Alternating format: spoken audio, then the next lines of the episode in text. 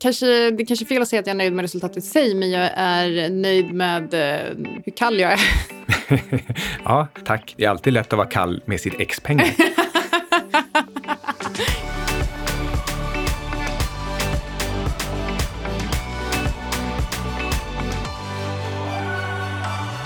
Hej! Du lyssnar på Outsiders avsnitt 85 och det här är Syding. Och det här är Svan. Vi ska väl eh, tacka Alexander Martin också som justerar ljudet. Vårt eh, skilsmässoljudbarn. Ja, jag såg eh, Space Cowboy sa idag att han verkligen hatar podcasts med dåligt ljud, men vi är inte en av dem. Men nu får han tåla att kvaliteten blir något sämre, för vi satt inte i studion när vi spelade in intervjun med vår sponsor IG Markets. Intervjun kommer här.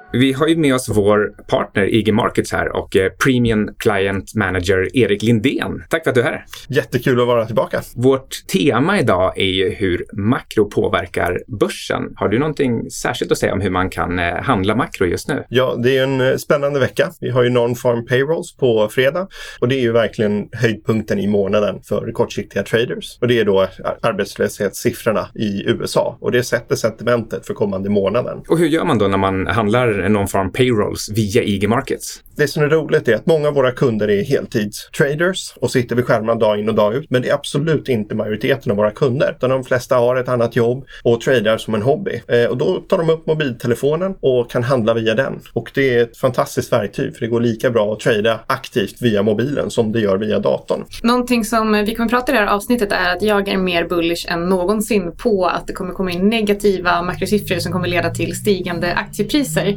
Men det är på lite längre sikt. På kortare sikt så tror jag att vi kanske kan se någon typ av rekyl nedåt innan det studsar upp igen. Men hur, hur har IGs kunder positionerat sig? Ja, just nu våra kunder ligger 70% korta i Dow Jones till exempel, som är vår mest handlade index i USA. Eh, och det visar på vad som kan hända på fredag. För tror du på uppgången så är vi nära topparna i aktiemarknaden och bryter vi dem, vilket vi kan göra, eh, så ser vi en otrolig rörelse. Samtidigt som ja, vi är nära topparna så är det många som väntar sig en nedgång och det kan komma in ännu mer kortsiktiga pengar och trycka ner. Så jag tror det kan bli väldigt, väldigt snabba rörelser. Så hög volatilitet att vänta med andra ord? Absolut. Vilka instrument handlar era kunder för just non-farm payrolls? Kan man, kan man se det? Är det just aktieindex, några särskilda aktieindex eller handlar man även andra instrument? Ja, det, IG har traditionellt bara varit en CFD-handlare, men vi har utvecklats mycket under gångna året, så vi har flera nya produkter. Eh, så att de flesta, de största kunderna handlar med CFD. Det är de professionella kunderna, eh, men vi ser även mer och mer att folk handlar med Vanilla-optioner. Så att du kan ta en position, eh, inte oroa dig för att marknaden går emot dig. Du har betalat i förväg en premium sån här för till exempel en endagsoption. Eh, och sen går marknaden åt ett håll så får du en bra avkastning, en bra utdelning med lite hävstång.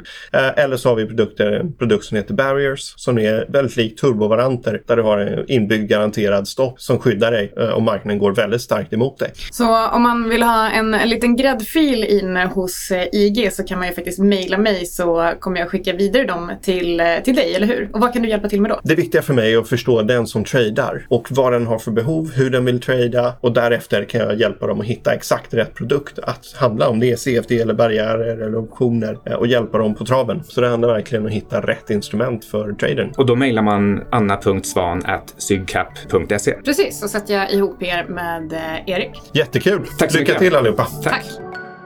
Ja, just det. Skilsmässobarn. Det fortsätter ju den här storyn. Vi eh, är ju officiellt eh, inte ett par och det är så att det kommer ju en del eh, äktenskapspropåer och liknande över sociala medier. Det händer. Det hände senast idag. Det är ju förstås uppskattat av oss två, men kan, det kan finnas en tredje part som inte är jätteglad. Vem är det? Nej, men det är väl ingen, eh, ingen eh, jätte, jättehemlighet. Men, Nej, men man kan väl säga så här, ni är för sent ute. I alla fall i det fallet. Men eh, keep on coming till, till mig. Eh, det här tåget gick. Jag är ledsen, hörni. Men jag ska på John Mayer ikväll, på tal om det. ja, who brings his girlfriend to John Mayer? Det var bland det första han sa till mig faktiskt. Och eh, nu, eh, nu, Nu gör han det. misstaget. Mm. ja, ja. Vad är det vi ska prata om idag? Ja, men, eh, jo, vi, vi ska prata om varför du, eller egentligen vi, varför vi tror på stigande aktiepriser i en svag ekonomi. Finns det någon korrelation eller kausalitet det här med att vi är slut, flyttar isär och så helt plötsligt eh, så träffar jag någon som har eller inte har Tesla-aktier och sen, och sen så blir jag superbullish aktier. Det är i alla fall helt uppenbart att du eh, har eh, valt någonting annat.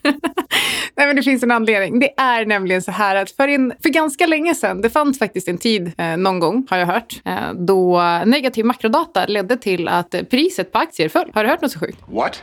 Det var någonting märkligt med att man trodde att då kanske försäljning och vinster skulle falla och att vinster och värde hängde ihop. You must be joking. Och att det kanske då var läge att allokera till till exempel räntor eller till exempel guld för att eh, ja, men vikta om lite i portföljen och ta lite lägre risk. Men det, marknaden, marknadens regler har ritats om och eh, när jag såg att Tyskland eh, med, all, med ganska stor sannolikhet är på väg in i en recession eller är i en recession och vi ser överlag global eh, makrodata och en global eh, ekonomisk inbromsning så tror jag att det här kommer verkligen leda till en eh, en rekyl på uppsidan på några månader sitt. Ja, kanske till och med en riktig meltup. Kanske till och med den sista meltupen. Fast det där menar jag egentligen inte, utan eh, det kan nog komma många fler meltups. Det är ju så här, man måste, måste vara med och förändras med marknaden, lite så som man lär sig i More Money Than God. Och också som Ray Dalio när han pratar om tioårsperioder med olika paradigm. Men jag vill också förklara varför. Och eh, det här har med QE att göra. Och det är att ju mer negativ makrodata vi ser, desto, desto viktigare blir det för centralbanken bankerna att eh, trycka på on på QE-knappen. Vilket innebär att vi kommer trycka mer pengar och det kommer köpas mer värdepapper eh, för de här nytryckta pengarna. Vilket kommer innebära att det blir en inflation i tillgångspriser. Så att den här eh, prisökningen kommer bli artificiell. Vi har upprepat många gånger att centralbankerna målar in sig i ett hörn. Och är det ett sokratiskt hörn? Vad, vad de, nej, det är det inte. vad, de, eh, vad de gör, det är motsvarigheten till att, till att spela poker och så skickar de in fler och fler marker där de liksom säger att det här är, nu är det verkligen all in. Och, och nu har de skickat in hela Fiat-systemet kan man säga i, i spelbordet och liksom det här måste hålla. Och om det inte håller med det här, jag menar, de går runt med en hammare och slår de med den på allting. Svag data, tryckpengar, eh, reporöra, tryckpengar. Det, det, spelar ingen roll vad det är. Valutorna eh, kraschar eller går upp eller någonting med, med ädelmetaller. Så tryck pengar. Och, och det här gör att de, de har verkligen sett, sett till att satsa allt på att det här måste hålla. What should we do? All in. Och om det inte håller, då får man göra en reset. Men i eh, ren We can't predict but we can prepare-anda så är det ju nämligen så att i Cygnus modell så ingår ju inte att man ska korta börsen utan att man däremot kan gå lång andra tillgångslag också. Eh, men med det här sagt, jag tror fortfarande på råvaror så att jag kommer, jag kommer faktiskt inte ändra allokeringen utan det är fortfarande 40% aktier och då med fokus på S&P och det är 40% jordbruksråvaror och det är 20% eh, guld. Men hela poängen med Cygnus är ju att man inte ska behöva välja och ta ett en ensidigt bett om börsen ska gå upp eller ner. För det vet ju du Micke, att det inte alltid det blir liksom som, man, som man vill eller som man förväntar sig. Trots att makrodatan är kass. Mm, nej, eh, så är det. Och eh, som du säger, själva poängen med den eh, strategi du har jobbat med, det är just att du vill vara i marknaden. Och vissa tillfällen, ja, det spelar ju faktiskt ingen roll om aktiemarknaden också går upp, om den andra marknaden går upp ännu mer. Precis. Men eh, vi fick eh, lite siffror i Sverige idag. Inköpschefsindex. Ja, och, De var ju fantastiska fantastiska. Mm. Fantastiskt dåliga. Ingves har ju här under sommaren eh, påstått att vi står inför en räntehöjningscykel. Och det ska man liksom tro av världens mest duvaktiga eh, centralbankschef någonsin. Som eh, dessutom alltid har fel i sina e-, egna prognoser. Ja, och nu får vi in svensk inköpschefsindex. Vad var nere på 47 eller 46,2 om jag inte minns helt fel. Men det var i alla fall de sämsta siffrorna sedan 2008, tror jag. Ja. Eller om den inte har fallit så här mycket sedan 2008. Ja, det, det kan nog stämma. Och sen så var det lägst sedan 2013. 13. Så ja, kan det vara. Okay. Men det var mot väntade 52. Ja, så den avvikelsen är ju episk på nedsidan. Och, eh, och börsen steg. Mm, förstås, för de har redan tänkt ut det här. Man förstår att det är, det är oftast bäst att utgå från att allting fortsätter som det har gjort hittills. Det är lite Lindy-effekt på och börsen. Och med tanke på att det här systemet har funkat väldigt väl i tio år. Buy on dips, köp på svag data, köp ökade stimulanser. Så uh, man är ju rätt dum om man tror att men just nu ska man gå emot det.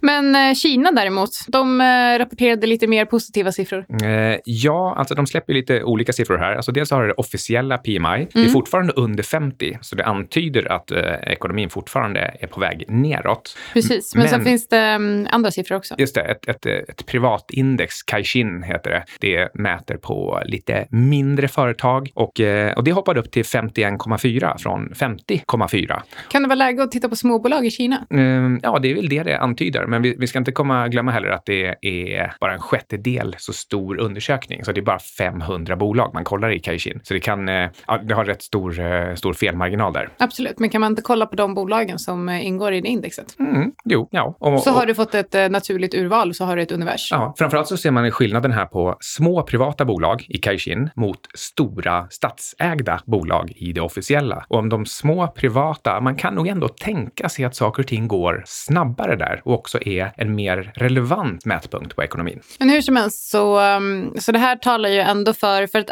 även de off- officiella siffrorna från Kina var ju lite upp, även om det bara är eh, från 49,5 till 49,8, så um, skulle väl det ändå kunna vittna för, för att Kina har ju haft det ganska tufft. Ja, plus också att det här går i cykler hela tiden, eller det går i cykler i vad man bedömer eller vad man bryr sig om från, utifrån ett, eh, ett nyhetsperspektiv. Och vi har sett hur de har svaga BNP-data och svaga PMI och så vidare. Och nu kommer i alla fall ett litet tecken på förbättring. Det tror jag verkligen kan räcka för att förändra sentimentet. Eh, en, en annan sak som jag tänkte säga var att eh, det här med att centralbankerna blir mer och mer desperata. De måste försvara det här systemet och eh, det gör att de tar, vidtar liksom kraftfullare åtgärder hela tiden. Och en sak är nu, nu är Draghi ute och säger att det börjar bli dags att prata om att faktiskt skapa en fiskal eh, zon, en slags federala stater för, för Europa. Han säger att ah, okej, jag är lite tidig, men, men det är verkligen dags att vi gör det här. Vad tror du om det då? Det, är- det är ju mardrömmen. Jo, men det är det, jag som- menar. Ja. Alltså, jag tänker, ska vi fortsätta? För jag menar, hela EU-spåret har ju, EU-spåret har ju inte varit en lyckad modell. Nej, vi- Så, va- så vi- varför, varför ska vi utveckla det vidare? Ja, här, vi bråkar till och med inom Sverige om man ska ge stöd åt landsbygden kontra storstäderna, om Lidingö ska stötta resten av Stockholm, om Norrland, Skåne och Stockholm egentligen ska vara olika ekonomiska unioner och så vidare. Och det är, liksom, det är nätt och jämnt att all vår gamla tradition och gamla centralbank och krona håller ihop det här. Vi har sett så fort man försökte med Europa, ja, men då får du PIGS-staterna, alltså Portugal, Irland, Island, Grekland, Spanien och ser hur de totalt missköter sig och så, så får Finland och Tyskland sköta allting. Det, det går inte, det, håller inte, det funkar inte. Nu är det inte vi som fattar beslutet, men tänk om det ändå blir så sen och så kanske vi övergår i någon typ av världsstat istället. I och med att vi diskuterar, det är uppe på tapeten det med equilibrium interest rate som vi har pratat om innan, att det ska finnas en ränta som gäller för hela världen. Men då undrar jag, tror du att om det skulle bli så, nu bara eh, spårar jag helt fritt här, om det skulle bli så, tror du att eh, kryptovalutor kanske får en ännu större, större arena? Framförallt att istället för att vi faktiskt har eh, länder och stater, att, eh, att eh, gränserna suddas ut och att det är mer fokus på kanske företag och att, eh, att arbeta kanske inom Facebook, att det, då har du en typ av nationalitet fast det blir, blir något annat för att du är anställd. Och att du måste vara anknuten till någon arbetsgivare på något sätt. Förstår du vad jag menar? Mm, jag förstår precis och jag tror man kan se det så här. Det här är bara en tanke som jag fick nu. Antingen så måste man kunna justera saker och ting snabbt via olika valutor. Eller så måste man ha olika fiskala system för olika, olika platser. Eller så måste arbetsmarknaden vara mycket mer flexibel. Och eh, ett sätt att ordna det här det är att man har någon slags eh, lokala kryptovalutor som blir eh, de facto standarder under allting annat. Det behöver inte ens vara lokala, eller alltså, inte geografiskt lokala. Nej, eh, Det kan mät- mätas på någon annan typ av demografi. Ett, ett annat är att arbetarna blir mer rörliga eh, geografiskt. Mm. Så man flyttar helt enkelt dit där jobben finns eller där man eh, med sitt löneanspråk kan få jobb. Den är lite svår ändå, va? även i vår globala miljö. Absolut. Särskilt om man måste segla dit man ska för miljöns skull. Framförallt om man sen måste flyga tillbaka de som seglade båten. Mm. Nu ska vi inte vara taskiga. Nej. Vi tycker ju båda två om Greta. Hon, hon gör, alltså som hon är person är hon ju fantastisk. fantastisk. Okej, men eh, för bara, för bara sammanfatta läget lite nu, för nu spårade du lite med eh, världsvalutor och kryptovalutor och allt vad det nu var. Vi, det finns lite andra, andra makroindikatorer, för oljepriset eh, har ju fallit tillbaka från eh, de här höga nivåerna. Det ploppade upp lite grann efter den här attacken från... lite grann. i- Vad i- stod oljepriset i som högst?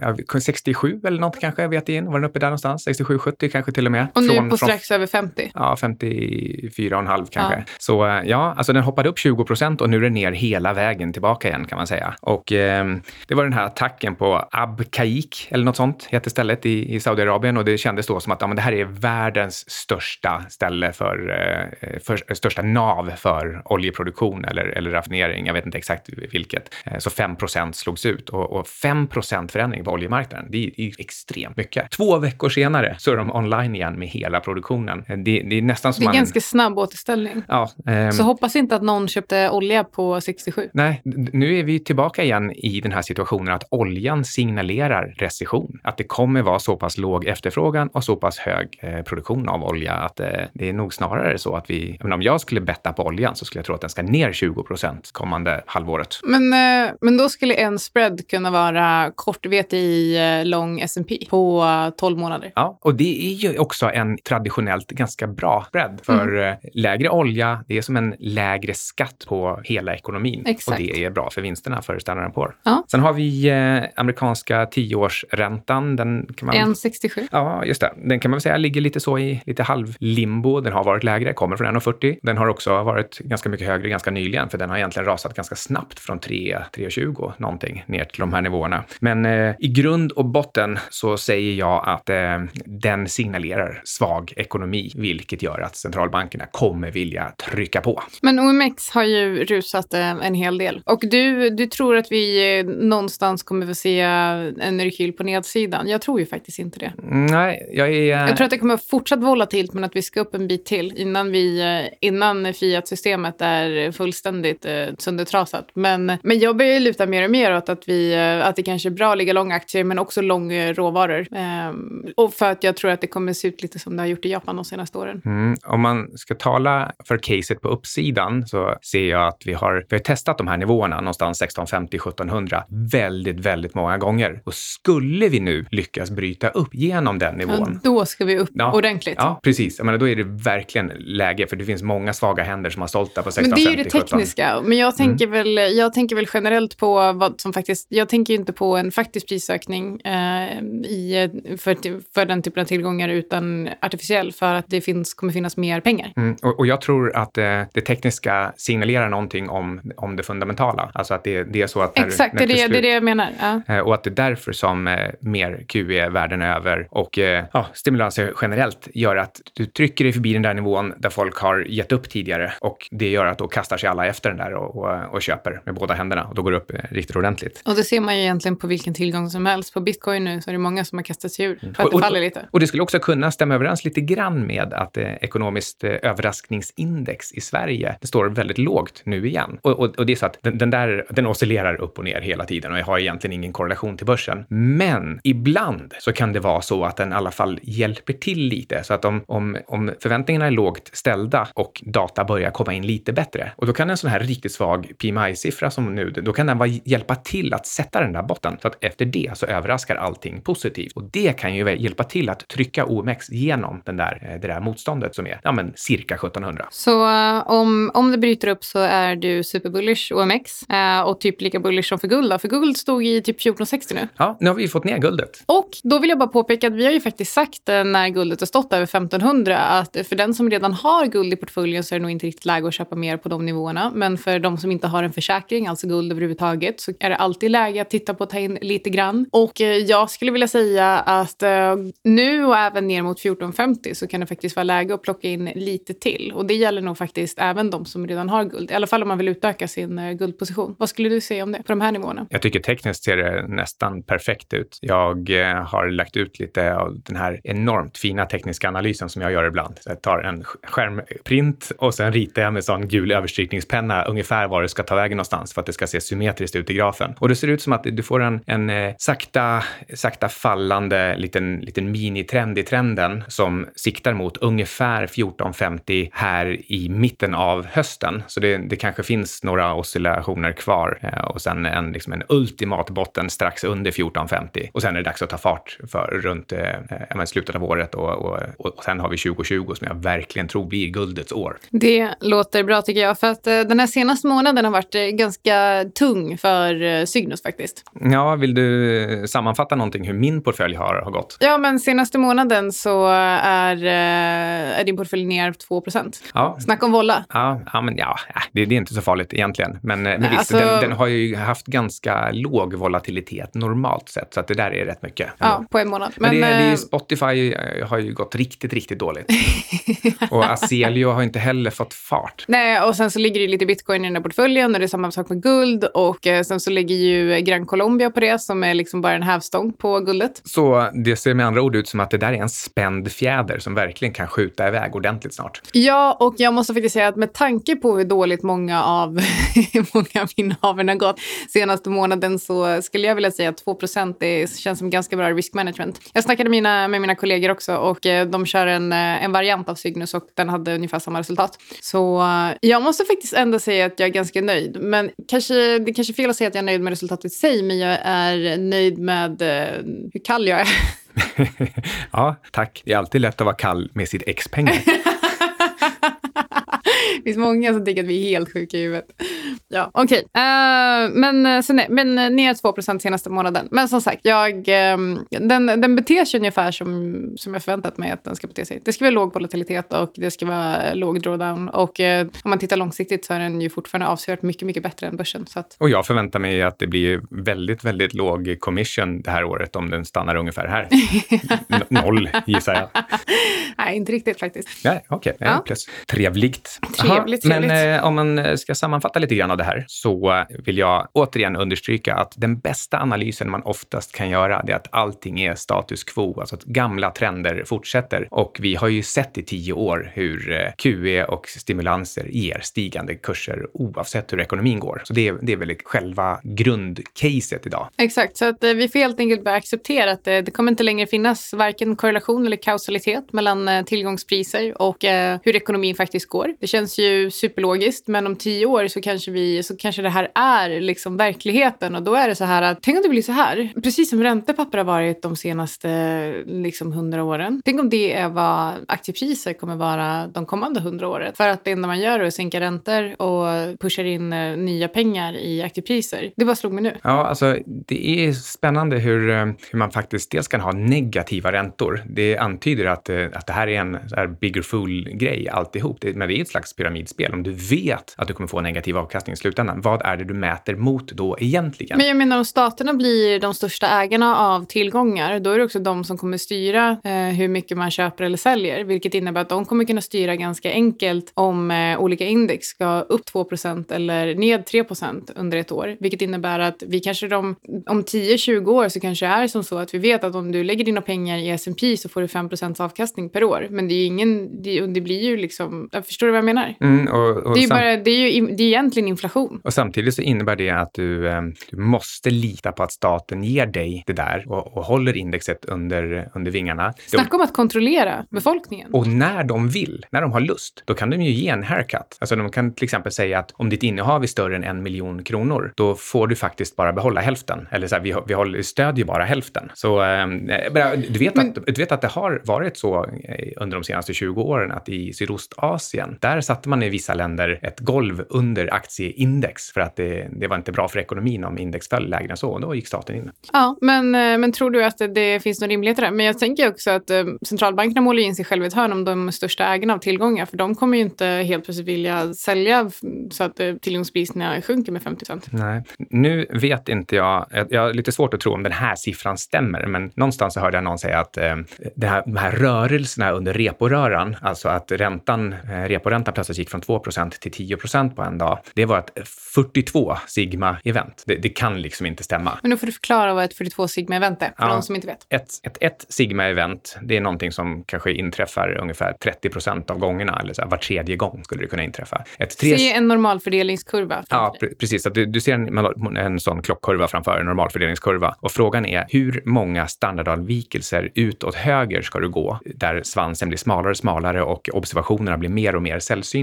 Och varje steg ut eh, är då en standardavvikelse. Eh, och när du, när du går ut 42 standardavvikelser, då är den där svansen i princip oändligt tunn. Så det är liksom en chans på en kvintiljontedel eller liksom någonting. Jag har inte kollat upp just vad 42 blir. Så, så, så jag tror att det, är den siffran måste vara fel på något sätt. Men, men, men däremot så oftast när den här typen av citat osannolika händelser händer, då, då säger man att ja, det här ska bara kunna hända en gång under jordens livslängd. Men så händer det var tionde år på marknaden. Det är egentligen bara ett sätt att säga att marknaden är inte effektiv? Kan folk börja fatta det snart? Och att det inte ens finns någon poäng att kalla Men något de för lär Sigma ut det på. Handels. Ja, alltså gå inte kurserna på Handels säger jag. Det finns bättre.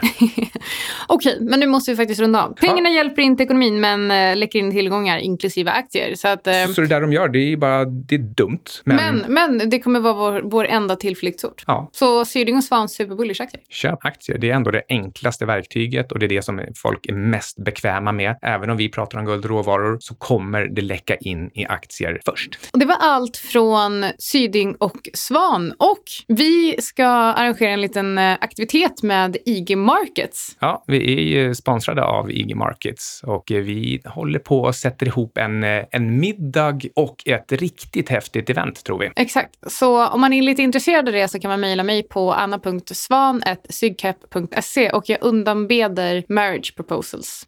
Ingenting som du har hört i eh, Outsiders har varit någon typ av eh, rekommendation. Så hur du än gör, försök inte få det till en rekommendation heller, utan alla placeringar är förknippade med risk som gör att du kan förlora hela eller delar av ditt kapital. Vi äger emellanåt vissa av tillgångarna som vi diskuterar i den här podcasten och våra sponsorer tar inget som helst ansvar för hur du handlar i de tillgångarna. Podcasten är menad för information och underhållning, även om vi förstås själva gör så gott vi kan när vi tittar på de olika tillgångarna. Och vill man veta mer så kan man gå in på sygcap.com eller på sydingsvan.com för att signa upp sig på vårt eh, nyhetsbrev som vi skickar ut varje söndag. Och med det sagt, Så har du lyssnat på Outsiders. med Syding och Svan.